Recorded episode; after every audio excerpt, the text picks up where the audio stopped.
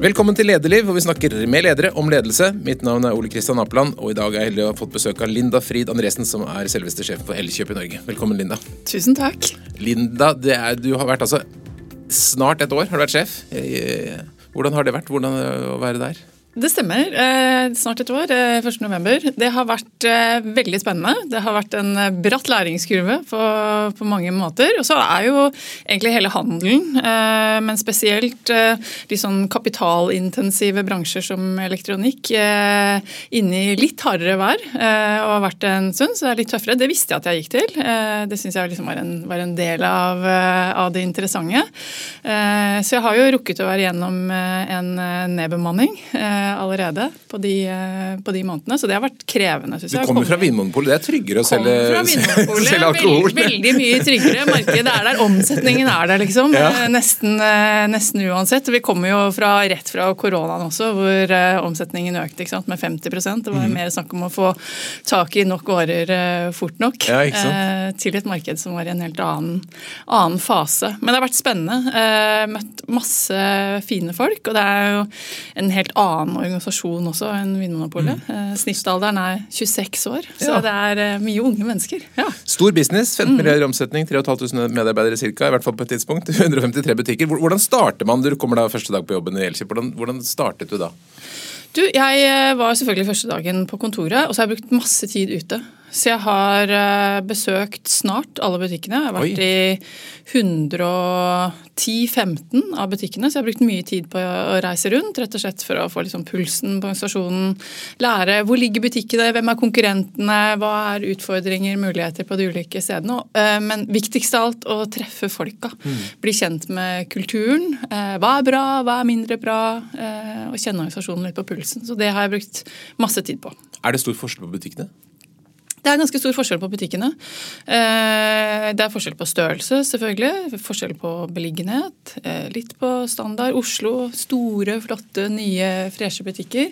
Eh, det har vi også andre steder i landet, men når du kommer litt ut i, lenger ut i distriktene, så er gjerne butikkene litt mindre. Mm. Fordi markedet er litt mindre. Så det tilpasses. Ja. Og Hvor stor er den største, hvor liten er den minste i forhold til antall ansatte? sånn grovt sett? Oi, nå spurte du et vanskelig spørsmål. Ja. Men butikken på Lørenskog er vår aller største. Eh, omsetter eh, for eh, rundt 550 millioner kroner. Mm. Så er jo på en måte som en eh, liten bedrift med, med, rundt 150 ansatte, tipper jeg.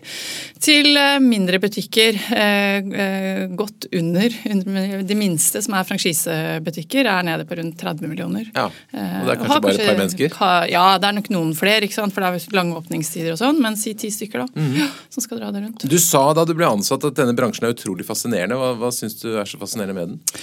Jeg syns den er fascinerende fordi vi driver med noe som eh, er relevant for alle mennesker hver dag. Nesten alt det vi selger er ting som man trenger i en moderne hverdag. Alt fra vaskemaskiner til kaffetraktere, hårfønere, telefonen ikke minst, mm. som jo de fleste mennesker er helt livsavhengige av. Eh, og så er det jo en bransje som drives av innovasjon. Så det er en sånn grunnleggende driv eh, til fornyelse hele tiden. Så, så det syns jeg er ja, spennende og mm. fascinerende. Og så nevnte så er jo varehandelen eh, litt pressa for tiden, og dere er på en måte i fronten. Så veldig sånn Eh, salgsintensiv bransje. Ja. Hva, er det som, hva skjer nå? Merker du at folk er mer påholdne med penger? Ja, folk tenker seg litt lenger uh, om. De kjøper trader kanskje litt ned. altså Kjøper rimeligere ting. Samtidig så er jo, som jeg sa i stad, mye av det vi selger er folk ting folk trenger. altså Ryker vaskemaskin, så må du liksom ha en ny en. Mm. Eh, så det er ikke sånn at det har stoppa helt opp, eh, men det har droppa eh, noe. Vi er en volumintensiv bransje med lave marginer, så vi er avhengig av å liksom holde eh, omsetningen eh, oppe. da. Ja. Og så nevnte du at du måtte kutte folk allerede. Er det, er det mye? Nei, vi, eh, rundt, rundt 10 mm. Måtte vi gjøre eh, rett over årsskiftet. Og det er bare en, en hva skal jeg si for noe, eh, veldig kjedelig, veldig trist. Men vi så eh, at markedet kom til å være tøft en god stund framover. Og det var rett og slett ikke bærekraftig for oss å ha høyere bemanning enn det kundetrafikken tilsa Så, og Det er litt spennende du sier da vi ja. så at markedet altså, hvor, hvor, langt ser du? Hvordan, hvordan, vet du hvordan markedet er? Nei, Det vet man jo aldri. Eh, men gjennom litt erfaring, gjennom å snakke, gjennom å se på andre markeder i andre steder i verden som kanskje ligger litt lenger foran oss, mm. så klarer vi liksom med en viss trygghet eh, å si nå at, eh, at, dette er ikke ferdig om en måned. Dette tar fort et år, eh, halvannet eh, og kanskje to også. For det tror jeg mange, sliter, mange ledere sliter med det om dagen. Er, liksom, er, er, vi nå i en liten dump, eller ja. er det liksom på begynnelsen på slutten? Altså, det er vanskelig ja. å vite ja. hvor vi er hen.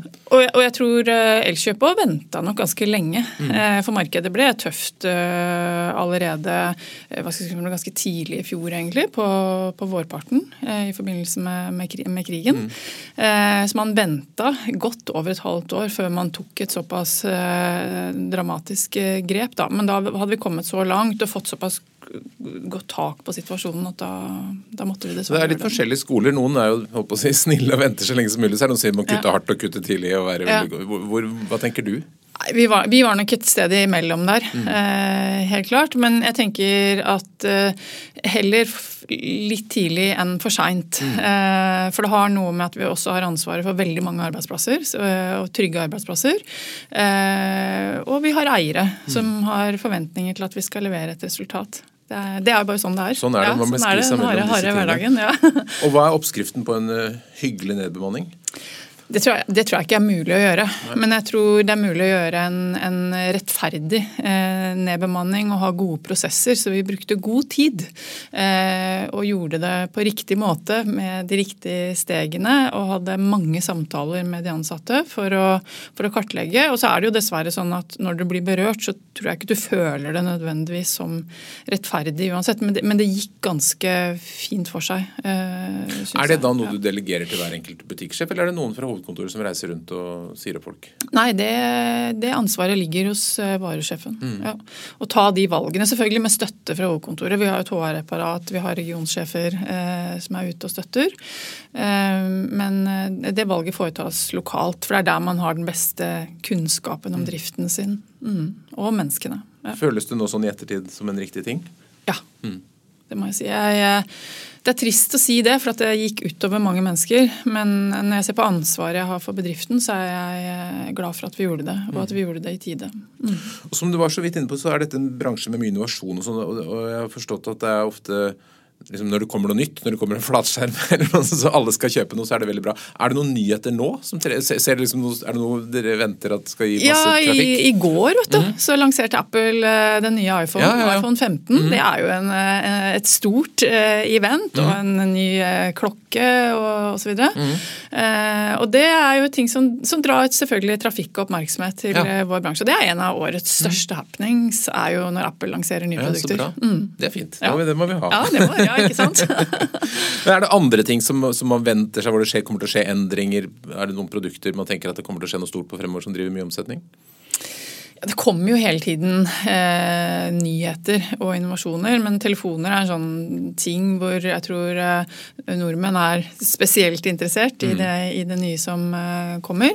Det er vel sånne, det er ikke noen hemmeligheter som jeg har her å trekke opp av, eh, av hatten, men det, det, skjer jo forbedringer mm. Eh, i alle kategorier til enhver tid, egentlig. Større og større TV-er?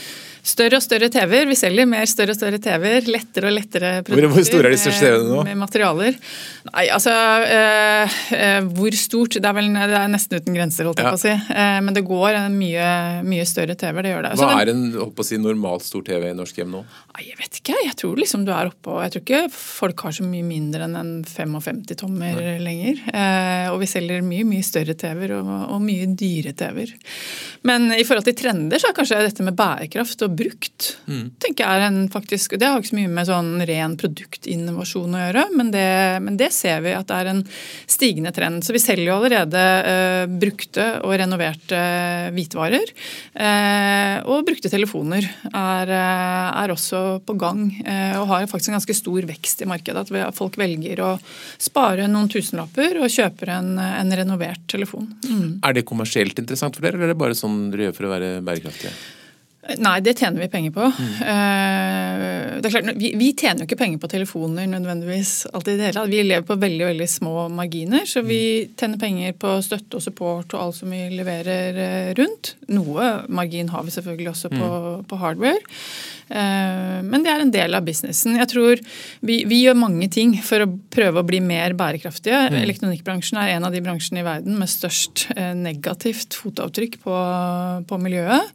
Eh, vi kommer aldri til å eh, kunne redde verden, men vi kan gjøre vårt mm. Eh, og ha vårt bidrag. Så vi jobber med ting innen driften vår i forhold til å redusere strømforbruk og den type ting som vi kan gjøre i, i egen drift. Men vi jobber også da med med å reparere, eh, gjenbruke, selge brukt og resirkulere, ikke minst. Vi mm. samler jo inn mange mange tonn med avfall eh, rundt omkring i butikkene våre hvert år, som går til, eh, til resirkulering. Opplever du at kundene er opptatt av det? Jeg skulle gjerne sagt ja, eh, men eh, vi er ikke helt der enda. En del kunder er opptatt av det.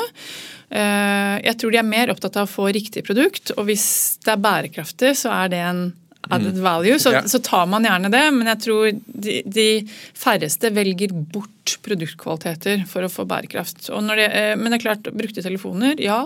Mange unge er interessert i det, mm. og så er det et prisspørsmål også. Mm. Ja, telefoner har blitt dyrt telefoner blir dyrt. Ja, eller koster mye penger. Mm. Ja, mm.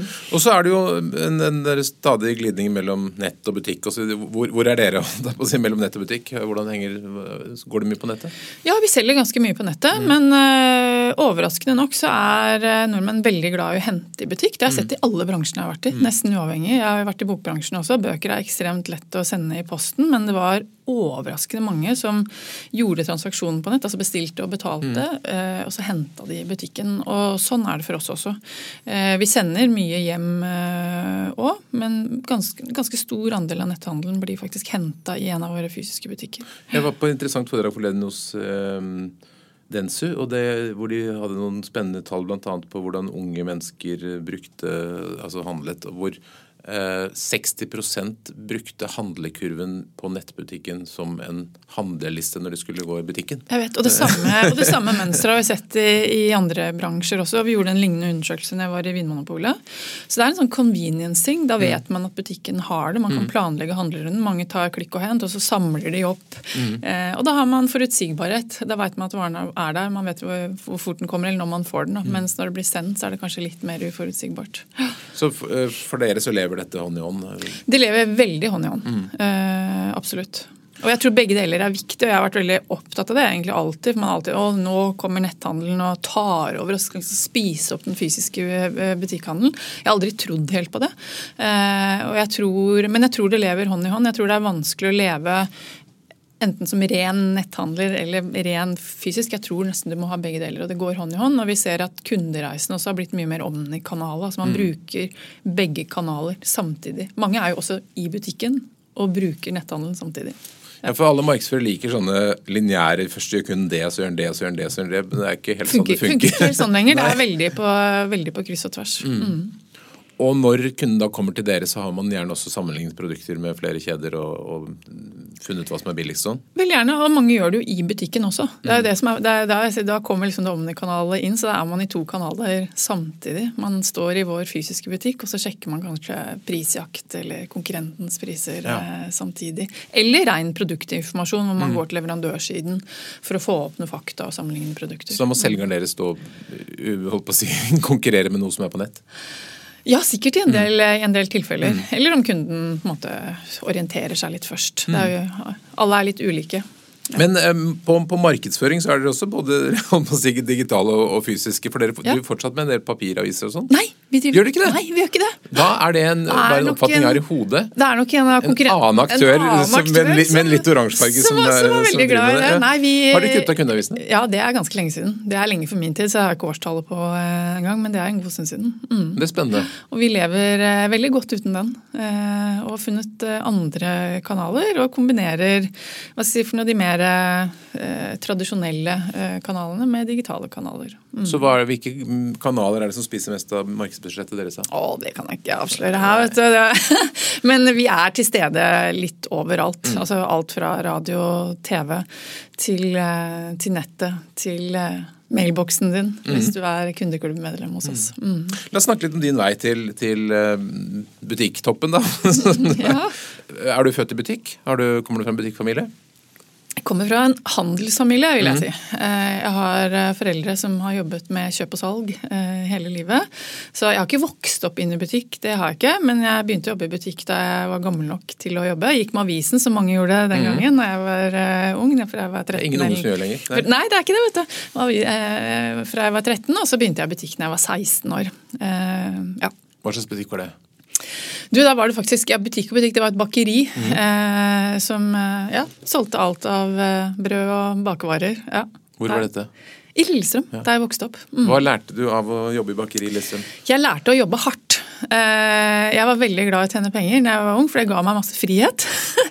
Så jeg jobba mye doble vakter eh, og likte å jobbe. Og jeg, likte, jeg lærte at jeg likte kjøp og salg. Jeg syntes det var kjempegøy å få lov til å rådgi. Og, ja. Så det fikk jeg sansen for tidlig. Det er utrolig moro. Ja, veldig. ja. Og, og derfra, hvordan gikk veien videre? Nei, jeg jobba jo i det bakeriet ganske mange år, egentlig. Eh, til jeg begynte å studere. Flytta til utlandet. Studert i fire år i Glasgow i, Skottland.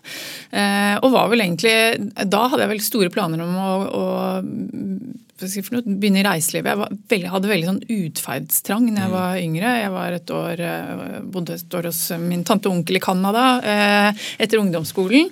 Gikk videregående, og så dro jeg ut fire år til Storbritannia. Og så hadde jeg jeg tror jeg ikke egentlig hadde planer om å flytte hjem igjen til Norge i det hele tatt. Jeg ville ut og reise og oppleve ting. Ja, Men så endte du i reiselivsbransjen òg, da? Så jeg endte i reiselivsbransjen, eh, men i Norge. For mhm. jeg kom hjem, tok meg en deltidsjobb på det som het Startur den gangen, som heter TUI nå. Mm -hmm. Eh, og, og, likte meg så godt der og syntes egentlig det var ganske ålreit å være i Norge likevel. Eh, og hadde store planer om å, å bli i reiselivsbransjen. Mm. Men så ble det, altså var du en, en, en reiselivsaktør til? Var Prisma, var det det? Ja, det var samme, ja. samme konsern. Så jeg var fire år eh, i reiselivet. Og så var jeg vel ganske nært ved å tror jeg, gifte meg. Jeg hadde i hvert fall funnet med mannen som jeg tenkte at han kommer til å gifte meg med og få barn med. Og reiste veldig mye i de fire åra, var mye borte. Så det var på tide å kanskje være, skaffe seg en base og en jobb som var litt roligere. Så da begynte jeg på Hadeland Glassverk. Mm. Eh, som jeg også den gangen, jeg vet ikke hvordan det er nå, men var en slags reiselivsbedrift. Ja, det, det, jeg, jeg, jeg, leste på forhånd, så liksom, er, er, det reiseliv eller er det handel? Men det er kanskje begge deler? Det er litt begge deler. Ja. ikke sant? Hadde masse cruiseturister altså, som ja. kom fra havnen mm. i Oslo og opp der på tur til bussturister eh, etc. Men massehandel. ikke sant? Ti, ti butikker eh, omsatte vel for rundt 100 millioner i det anlegget der den gangen. Eh, og fikk, ble bitt av butikkbasillen. Jeg syns det var kjempegøy å stå i butikk og kjempegøy å kjøpe inn varer og selge varer. Og noen ganger treffe, og andre ganger dessverre bomme, men det er en del av handelen. Men eh, ja, veldig spennende. Og Var det der du begynte å få litt lederansvar? Der hadde jeg lederansvar. Eh, da var jeg ganske ung, rundt 28 tenker jeg, eh, og hadde rundt 100 personer, eller 100 kolleger da, i, anlegget der. Så jeg har ikke vært medarbeider så mye. Jeg var jo leder også i reiselivet. Så jeg mhm. var, fikk lov å være medarbeider i ett år før jeg ble leder. Så jeg har vært leder i, i mesteparten av karrieren min. Så nesten en svakhet noen ganger. Skulle ønske at jeg kunne vært medarbeider litt lenger. Kan du søke deg jobb som selger ja, kanskje det, ja, kanskje det. Men, men. Ehm, så ble du administrerende i noe som heter Fargerike? Fargerike, ren franchisekjede. Hadde rundt 120 butikker rundt omkring i hele Norge. Eh, og det var litt av en reise. Det har vært det jeg var liksom syv av mine mest lærerike For da var du på toppen? Var det, liksom, det var første ordentlige, det var første, ordentlige sjefsjobben? Ja. Det var første ordentlige ja. sjefsjobben, eh, og ingen som trodde på meg. Eh, var... Noen har trodd på det siden du fikk jobben, ja, da. Han som ansatte meg, trodde jo på meg, men jeg møtte jo en kjede som Jeg tror de venta på en mye eldre Jeg tror de venta på en mann. Det var jo en mannsbastion, ikke sant. Det var uh, veldig få kvinner. Så kjønn var nå én ting, men jeg tror de venta på en som var mye eldre, og en som hadde erfaring fra bransjen bransjen, fordi han som slutta, var en, liksom en bransjenestor, godt voksen mann. Og så kom det en eh, dame, småbarnsmor på 35 år fra glass- og stentøybransjen. det, var, eh, det, var, ikke så mange som spådde meg en lang framtid, for det var litt sånn eh, tøft. Men eh, det gikk veldig bra. Eh, og mange av de tror jeg er mine beste referanser eh, i dag. Så Hva gjorde du som gjorde at det gikk bra, da? Jeg gjorde Kanskje litt det samme som jeg har gjort nå. når Jeg begynte i Elkjøp. Jeg reiste rundt, for jeg skjønte at her må jeg bli kjent med folk. Her må jeg møte folk på hjemmebane. Dette var jo eh, altså, folk som eide sine egne butikker. For å liksom vise at jeg hadde respekt for det de drev med, og interesse i å lære. Eh, så det hjalp meg veldig mye i gang. Det å bruke mye tid på å lytte eh, og, og, lære. Så var jeg ganske uredd. Mm. Jeg var mer uredd da enn det jeg er nå tror jeg. Så jeg gøy løs på det. Gjorde, det er bra å være ung. Ja, det er bra å være ung. så, så, gikk det bra. Så er jeg nok en bestemt dame. Så de fikk vel en form for respekt for meg etter hvert. Ja. Men hadde du da utviklet på en, måte en slags lederfilosofi? Du tenkte at Vi gikk inn på sjefskontoret du sikkert hadde da, og tenkte nå skal jeg være sånn og sånn som administrerende direktør? Nei, det vil jeg ikke påstå.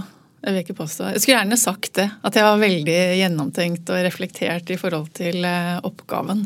Eh, jeg var nok gjennomtenkt og reflektert i forhold til hva det mandatet jeg hadde fått for å fornye kjeden, fornye konseptet, eh, bringe fargerike inn liksom i, i, fremtiden, for det var litt satt. Mm. Eh, eh, kanskje gått litt ut på dato. Det hadde jeg veldig store planer for. Lederoppgaven hadde jeg kanskje tenkt Jeg hadde tenkt på det, men hadde ikke noen sånn klar filosofi.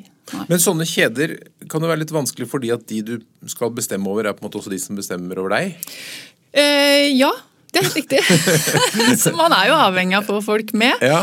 Så det blir en, eh, var en kombinasjon av pisk og gulrot. Men eh, det var viktig for meg, det skjønte jeg jo etter hvert, det var viktig for meg at jeg hadde tillit til at jeg var opp opptatt av deres ve og vel. Mm. Så at det jeg gjorde, de visste at det var liksom fundamentert i at jeg ville at de skulle være lønnsomme og tjene penger, og at kjeden skulle, skulle, gå bra. Og at jeg var ganske ærlig på at jeg klarer ikke å tilfredsstille alle. Her er det 120 eiere som alle har litt forskjellige meninger om hvordan denne kjeden skal, skal drives. Mm.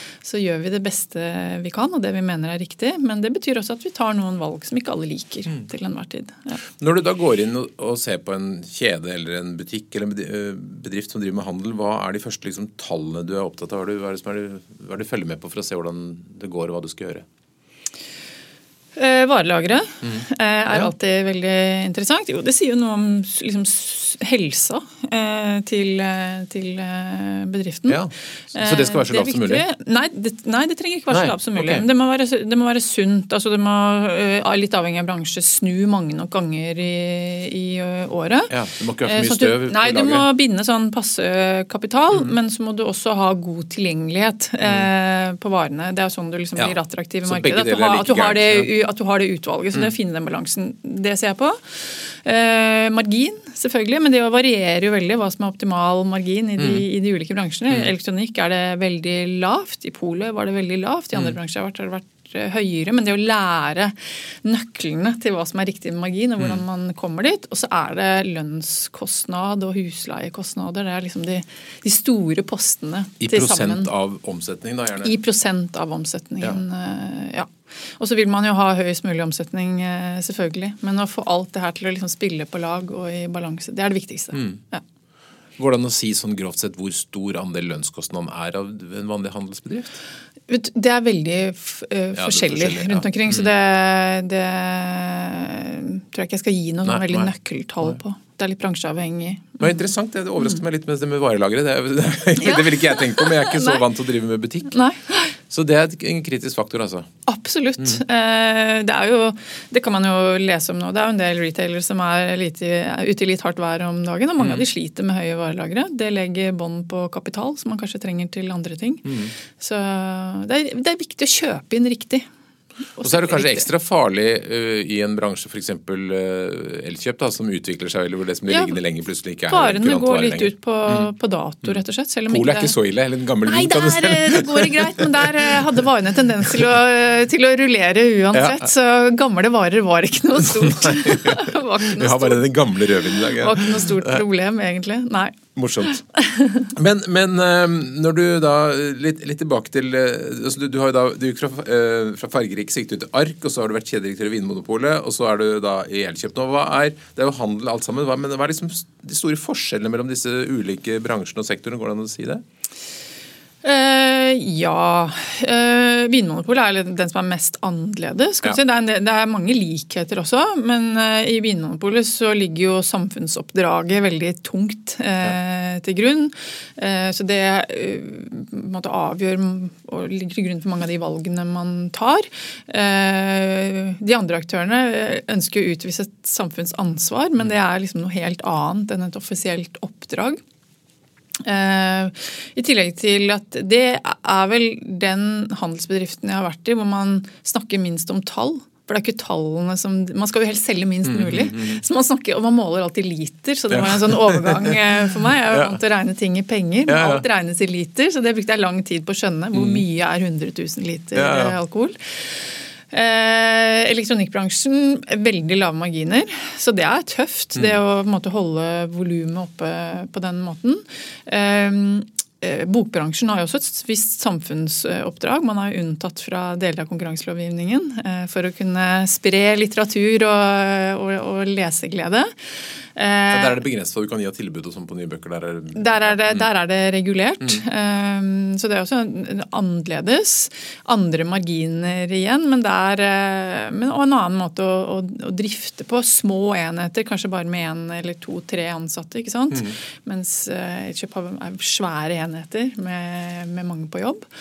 Uh, til fargerike som er, det er derfor jeg sier at dette med lønn er litt relativt. Hvor rådgivning er en så stor del av det man selger, mm. Eh, at man har ganske høye lønnskostnader eh, sammenligna med andre retailere, hvor salget går saktere. Du må kanskje ha mange så kunden innom tre-fire ganger mm. før du gjennomfører transaksjonen. Mens bokhandel er veldig raskt, veldig liten handlekurv. Eh, jeg tror det er liksom nede mellom 100 og 200 kroner per kunde.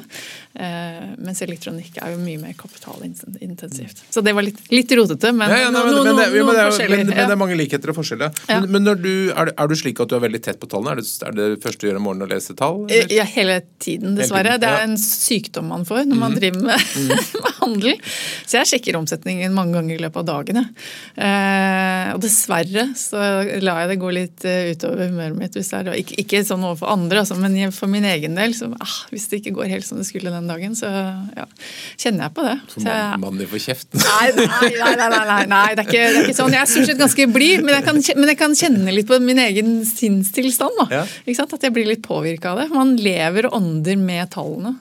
Eh, det tror jeg man må være opptatt av når man jobber med retail, fordi hver dag er en ny mulighet og en tapt mulighet hvis man ikke lykkes. Eh, du får ikke tilbake den omsetningen eller de, de, kundene. Så det handler om å gjøre mest mulig ut av hver eneste dag. Og man har også muligheten til å snu seg himla raskt. Det er det noe, noe, av det jeg syns er veldig fascinerende. At hvis man ser at det man har på gang ikke fungerer, så kan man liksom ratte om ganske kjapt. Mm. Eh, fra en dag til en annen. Eh, og det, de raske bevegelsene gjør at man er nødt til å følge tallene tett. Men hvis du har en elkjøpbutikk som du ser at denne presterer mye dårligere enn alle andre. Hva, hva gjør du da? Eh, forhåpentligvis er det noen andre som har sett det lenge før meg.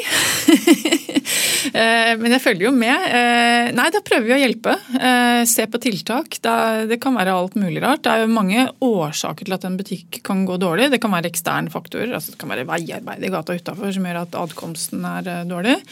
Det kan være noe med opplæringen eller ledelsen inn i butikken. Det kan være noe med hvordan butikken er satt opp. Så det er, litt, det er ikke noe fasitsvar, men vi går inn og analyserer ganske nøye hva som er roteårsaken. Mm. Og så prøver vi selvfølgelig å gjøre noe med det. Og så er vi så heldige i Elkjøp at vi har mange forskjellige kompetanseområder å sette inn, litt avhengig av hvor skoen trykker. Mm. Mm. Men mange snakker jo om sånne eh, noen viktige kamper som må vinnes for at man skal lykkes. Must win battles og den typen uttrykk. Har, har du ja. noen, noen, ting som dere må lykkes på for at Elkjøp skal bli bra? Kundemøte. Mm. Ja. Det er som kundemøte. Det er kundene som avgjør om vi lykkes. Eh, og da må vi være gode på det som er eh, viktig for flesteparten av kundene våre. Eh, og vi må levere gode kundemøter, og gjerne over forventning, tenker jeg. Både i forkant og i selve kundemøtet og i, og i etterkant. Mm. Og hva gjør du for å få til det? For du kan jo ikke være der ute. Nei, det gjør jeg ikke. Men uh, min jobb er jo uh, sammen med hele laget på kontoret å sørge for at vi har opplæringsprogrammer som, uh, som, ivaretar det. At vi snakker mye om det, at vi har fokus rundt det. At vi løser situasjoner når ting kjerver seg til, for det hender jo, det gjør det. Mm. At ting ikke går helt som det skal.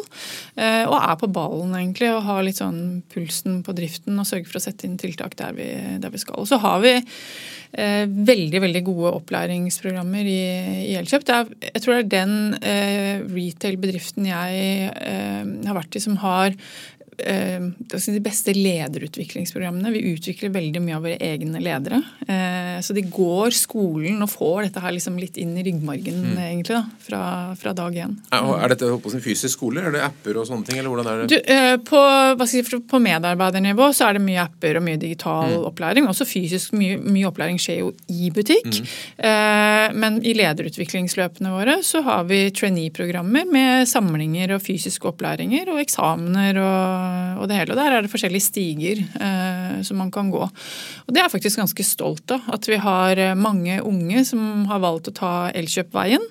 Eh, og som har funnet si, noe, sin bane i, i, Elkjøp og sin karrierevei. Og, og, går disse skolene, og går kanskje fra deltidsmedarbeider eh, helt opp i toppledelsen.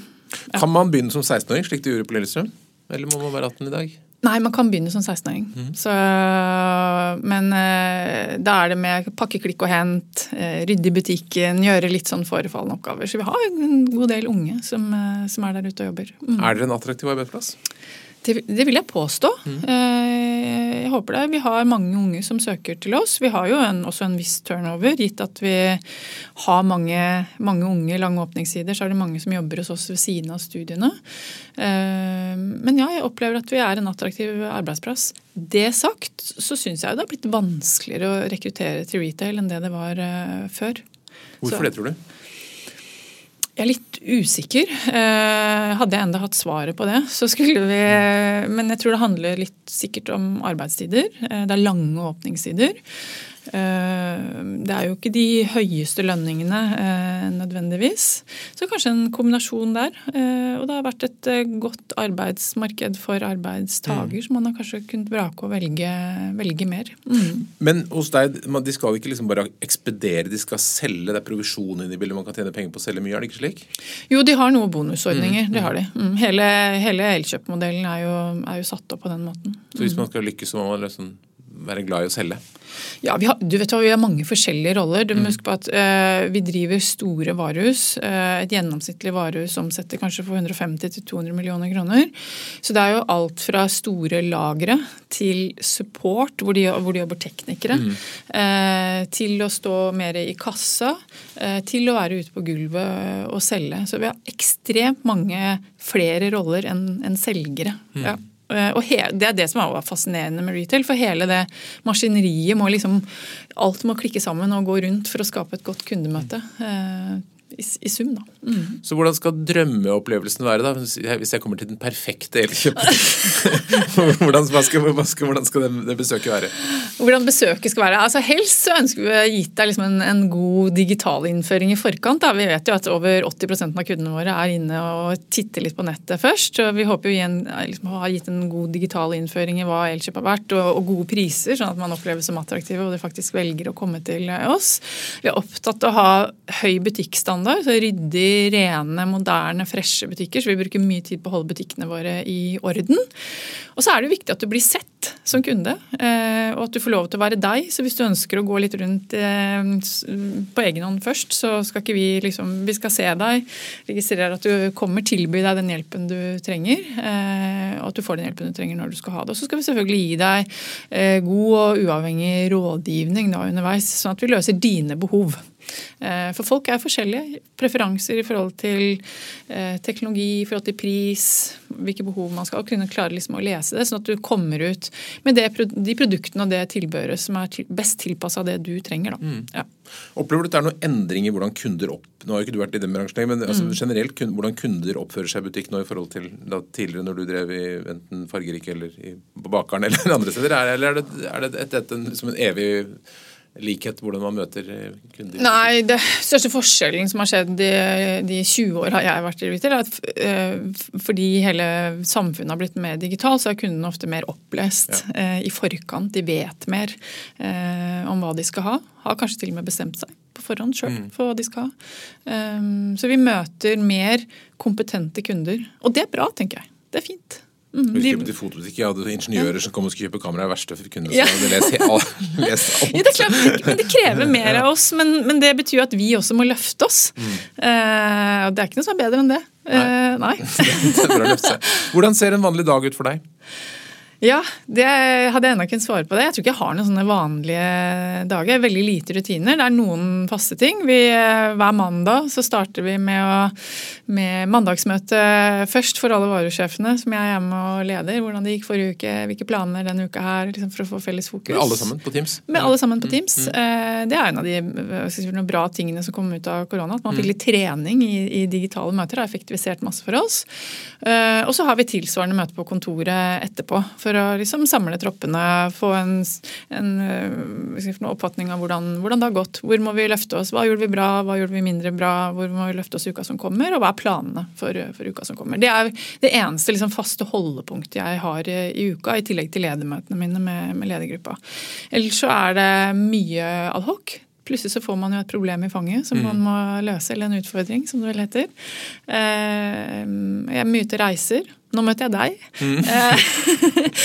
Så det er veldig avhengig av hva som skjer til enhver tid. Og så er det jo en sånn faste ting som styremøter og konsernledermøter og, og sånt. Men, Når dere har samlet alle sammen, er det, er det mye sånn belønningskultur og jubel og pokaler og sånn på de som teller mest og sånn, eller? Det er jo litt eh, mer jubelkultur her mm. eh, enn det var i Vinmonopolet. Ja. Det var kanskje den største forandringen. Det var jo nesten litt morsomt. Når jeg var på samling i Vinmonopolet, så var jeg vant til litt sånn hallelujastemning fra alle andre retail-bedrifter mm. jeg har vært i. Der satt folk stillere. Det var, mm. ikke sånn, det var ikke noe jubel, og folk sto ikke i salen på samme måte. Mer, det er en fantastisk bedrift. De, de, de kommer jo helt på topp, nesten i toppsjiktet hele tiden på våre omdømmemålinger. Absolutt, og det var, eh, det var litt derfor jeg syntes det var spennende mm. eh, å, å, være innom Vinmonopolet. For å lære litt hva er det, liksom, hvor ligger magien? Eh, hvordan har man klart å klatre fra å være faktisk en av Norges mest upopulære mm. handelsbedrifter til å ligge som nummer én både på omdømmemålinger og på kundetilfredshetsmålinger. Det er et lite mirakel, faktisk. det altså. Er det, er det målet ditt å slå Vinmonopolet?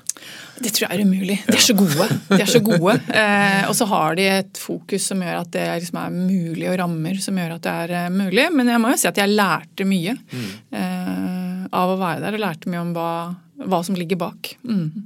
Nå har du da vært administrerende i flere virksomheter i mange år. Hva, mm. Hvordan vil du si du har forandret deg? Hva har du lært underveis som administrerende direktør? Hva jeg har lært? Jeg har lært masse om mennesker. Eh, jeg har lært hvor eh, alltid skjønt at mennesker er viktige, men det er liksom det aller viktigste. Det blir ikke noe ut av en handelsvirksomhet hvis man ikke satser på menneskene og legger tid i å forstå menneskene og utvikle menneskene. For eh, det blir ikke gode kundemøter hvis ikke folk trives på jobben og har arbeidsglede. Og da blir det ikke noen resultater heller. Da blir eierne mindre happy. Eh, så det har vel mer liksom befesta seg. Eh, også dette med hvor viktig opplæring og kompetanse også er i retail. Der tror jeg mange retailere satser for lite rett og slett på mm. opplæring og kompetanse. Eh, som, som, leder så har jeg nok Det er jo nesten dessverre si at jeg har blitt mer, mindre uredd enn mm. det. Jeg var mer uredd da jeg var yngre. Blitt mm. mer kontrollert kanskje med, med, med erfaring. Så jeg er blitt flinkere til å lytte Eh, og lært meg viktigheten av å være litt mer stille mm. sjøl og lytte mer til andre. Mm. Er det noen som smarte sånne ledertriks du har lært deg underveis? som du liksom, Det er veldig lurt å gjøre? Noe du er veldig fornøyd med selv? Triks? Uh, nei, jeg tror ikke jeg har så mange triks. Har du, har du, gjort noen, har du gjort noen, høre, har du gjort noen stygge feil? Som ja, du har lært gjort, av? Herregud, jeg har gjort mange feil. Få høre om en tabbe du gjorde. En tabbe jeg gjorde? Jeg uh, ja, hvilken skal jeg velge? Uh, ja, Det var kanskje det første tabben jeg gjorde. Stor tabbe. Jeg begynte i Fargerike. Trodde jeg skjønte alt, kunne alt som man gjør når man er ung og uredd. Uh, trodde det bare var å ta ut en leverandør av sortimentet og bytte med en annen. Og skjønte ikke hvilke følelser som var på en måte tilknytta de produktene og den leverandøren og dette her. Og det ble kjempebråk. Så jeg ble kalt inn, det hadde ikke vært der lenge. Det ble et sånn allmøte med alle eierne oppe på Gardermoen. Kommer alle til å glemme det. Da følte jeg meg ganske liten. Eh, med 120 eiere rundt i sånn stor sirkel som hadde allmøte og skulle fortelle meg om eh, hvilken feil jeg hadde gjort. Forferdelig? Ja, det, ja, det var forferdelig. Det var eh, ikke noe ålreit. Men jeg lærte mye av det. Eh, og så lærte jeg jo at eh, det er, det er jo greit å være ydmyk. Hva gjorde du? Gikk du tilbake på det, eller sto du i det? Jeg sto i det en liten stund, for at jeg egentlig mente at sånn teknisk sett var riktig. Det mener jeg faktisk fortsatt i dag. Mm. Så det jeg lærte mest av, var vel egentlig at jeg burde gjort det på en annen måte. Burde brukt mer tid på å lytte, brukt mer tid. Ja. Mm. Mm. Men det er jo vanskelig, dette med tid. Ja, det er kjempevanskelig. det er kjempevanskelig. Litt som vi snakket om med nedbemanning. Hva, hva er, du gjør noe, og så, og så, så, skjer det ikke noe. Så tenker jeg, Er det bare fordi jeg ikke har gjort nok, eller har jeg ikke venta lenge nok? Altså, ja. det, og det er vel erfaring fra Elkjøp og sånne andre steder. Tiden fra, altså, Du er mye, antagelig mye mer rastløs enn organisasjonen? Ja, det, det, det, er jo alltid sånn. Jeg er mer rastløs. Eierne er enda mer rastløse. Mm -hmm. ikke sant? Um, så ja, det er vanskelig jeg tror det er vanskelig å treffe helt. Noen ganger treffer man, andre ganger treffer man ikke. Det er vanskelig å, å forutsi alltid ja, forutsi, hva som er riktig timing. Hvor lang tid tar det før, ja. før, det har effekt? Men, men, retail er jo veldig sånn raskt. Mm. Og noen ganger tenker jeg at vi er for raske. Mm. Eh, fordi vi gjerne eh, Det er en sånn utålmodighet som ligger i retail. At man kanskje mm. gjør noen valg også for fort. Uten å bruke mm. nok tid til å tenke seg om, fordi man vil ha den effekten med en gang. Eh, så det har jeg vel også lært, at noen ganger er det kanskje lurt å bruke den ekstra dagen. Ta litt tid ja, men sånne ting som du sier nå, skal, nå, investerer vi x millioner kroner i opplæring. Liksom, mm. Det er jo ikke sånn bang så spretter omsetningen i været. Det, Nei, det gjør det. det, er liksom, det å vite at du er på riktig spor og at du får høsta det over tid, det er jo vrient. Ja, det er vanskelig. Og det er sånn eh, liksom fram og tilbake hele tiden, føler jeg. At mm. vi, vi, går litt fram og så må vi justere litt tilbake igjen. Fikk ikke mm. helt den effekten vi kanskje tenkte. Noen ganger blir vi for utålmodige òg. Så snur vi på ting før vi har gitt det tid til å, til å virke. Mm. Men, eh, ja. Hva liker du best med å være leder? Ehm, jeg liker best eh, menneskene. Eh, og så liker jeg, må jeg være ærlig og si at jeg liker friheten. Mm. Det gir meg ganske mye frihet til å eh, ta valg. Eh, ha innflytelse på de valgene som blir eh, tatt også andre steder i, i konsernet. Det syns jeg er spennende å få lov til å være med der mm. beslutningene blir tatt. Noen ganger tar jeg de selv, andre ganger er jeg med. Hvor er du henter inspirasjon og impulser fra? Uh, jeg hører jo litt på innimellom podkaster som dette. ja, uh, leser litt. Jeg har alltid uh, observert ganske mye, så jeg syns jeg har lært mye av ledere jeg har truffet opp igjennom. Mm. Bare å observere, se på hva jeg tenker blir feil, og hva som blir bra. Mm. Lære, lære, av det. Mm. Er det noe du grubler mye på når det gjelder ledelse?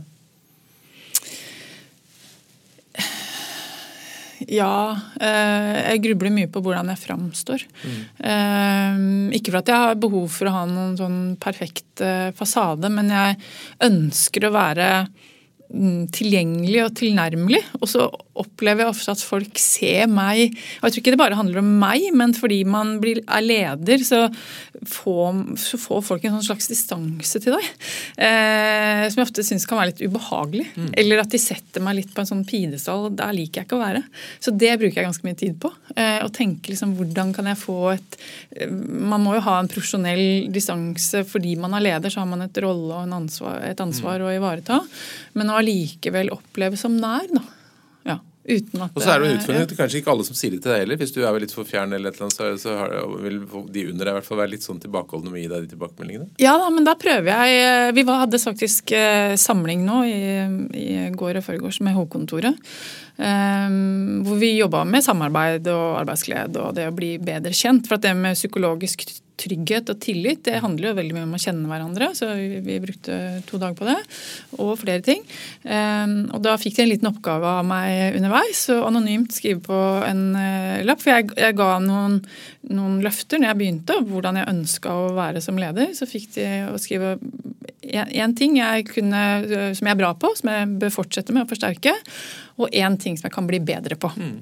Og der kom dette med, dette med tilgjengelighet opp. Ja. Det å være liksom mer tilgjengelig.